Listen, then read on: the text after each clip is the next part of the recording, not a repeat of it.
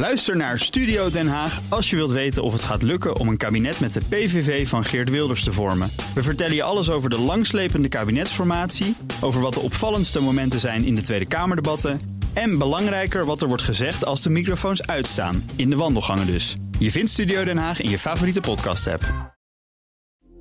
Dit is een BNR podcast.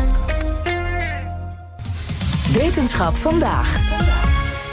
Dialecten, ja, die hoor je hier op BNR vrijwel nooit. En ook in de rest van ons land neemt het gebruik van dialect alleen maar af. Daar hopen drie taalonderzoekers iets aan te doen met een bordspel dat iedereen kan spelen.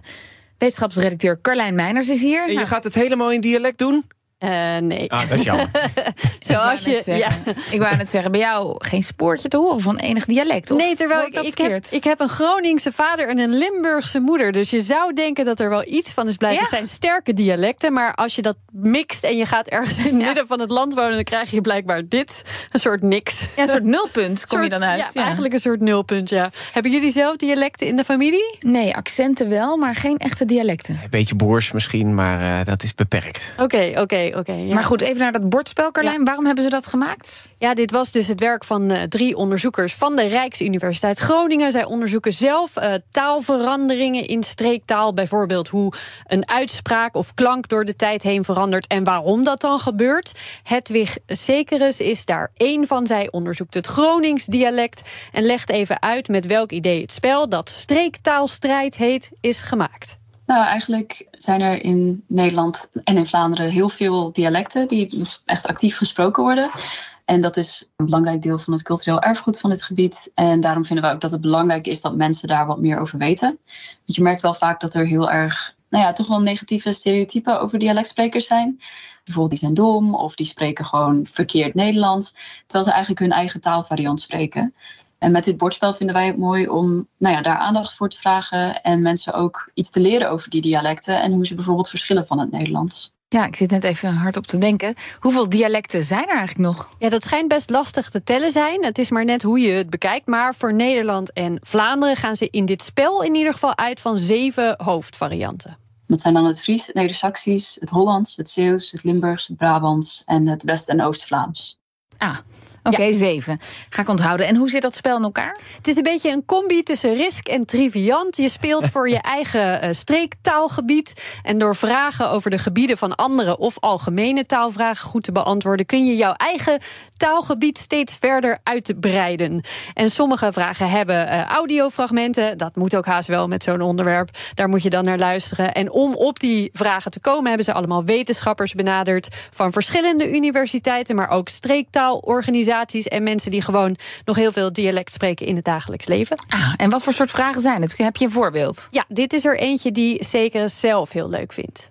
We hebben een vraag over het Fries. Dat is dan een bekend drankje in Friesland is soepen. Maar wat betekent dit? Is dat soep, karnemelk of wijn? Ja, dat klinkt natuurlijk heel erg als soep, maar het is karnemelk. Oh, nou, Nou, nooit die had van ik gehoord. niet goed gehad. nee. Mag ik heel even trouwens, ik, ik heb eh, eh, aangetrouwde Friese familieleden. Ja. Als je daar zegt, Fries is een dialect...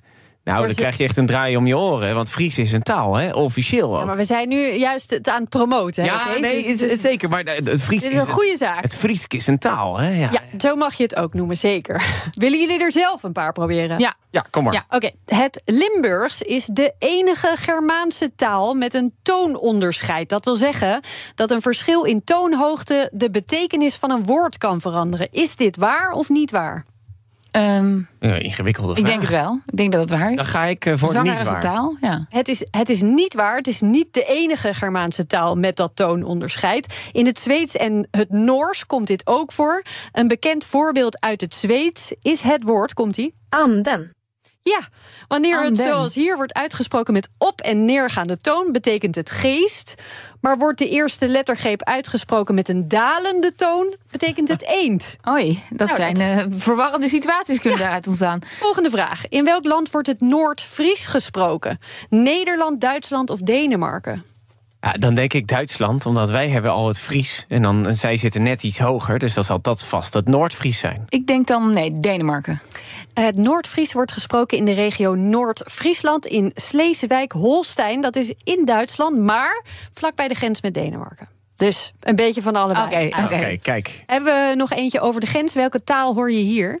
naciszczanskim statoku wonie się przyjemne za czerstwym samopieczonym chlebom ze zdrewom depenie piecy.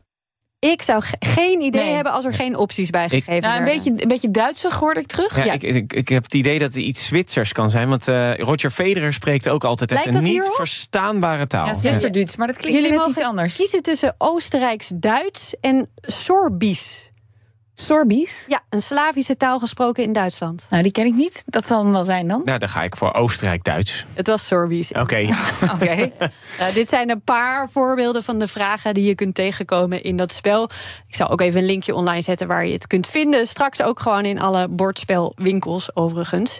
Uh, uh, het idee is dus dat het in ieder geval wat aandacht oplevert voor het feit dat ze er nog zijn. Um, en dat er hele interessante dingen in te vinden zijn. Dat we een heleboel dingen niet weten. Uh, ja, en uh, ja. Uh, vergeet ook niet dat er gewoon dialectcursussen bestaan. Dus vergeet dat keramieken op maandagavond. dat hebben we allemaal wel gehad. Leer gewoon Gronings in je vrije tijd. Ja, Ja. waarom niet? Leuk voor tijdens de vakantie, hè? Dankjewel, Carlijn Meinders. Bij BNR ben je altijd als eerste op de hoogte van het laatste nieuws. Luister dagelijks live via internet. Bas van Werven. En heel langzaam komt de zon op rond dit tijdstip. Je krijgt inzicht in de dag die komt op BNR, het Binnenhof in Nederland en de rest van de wereld. De Ochtendspits. Voor de beste start van je werkdag. Blijf scherp en mis niets.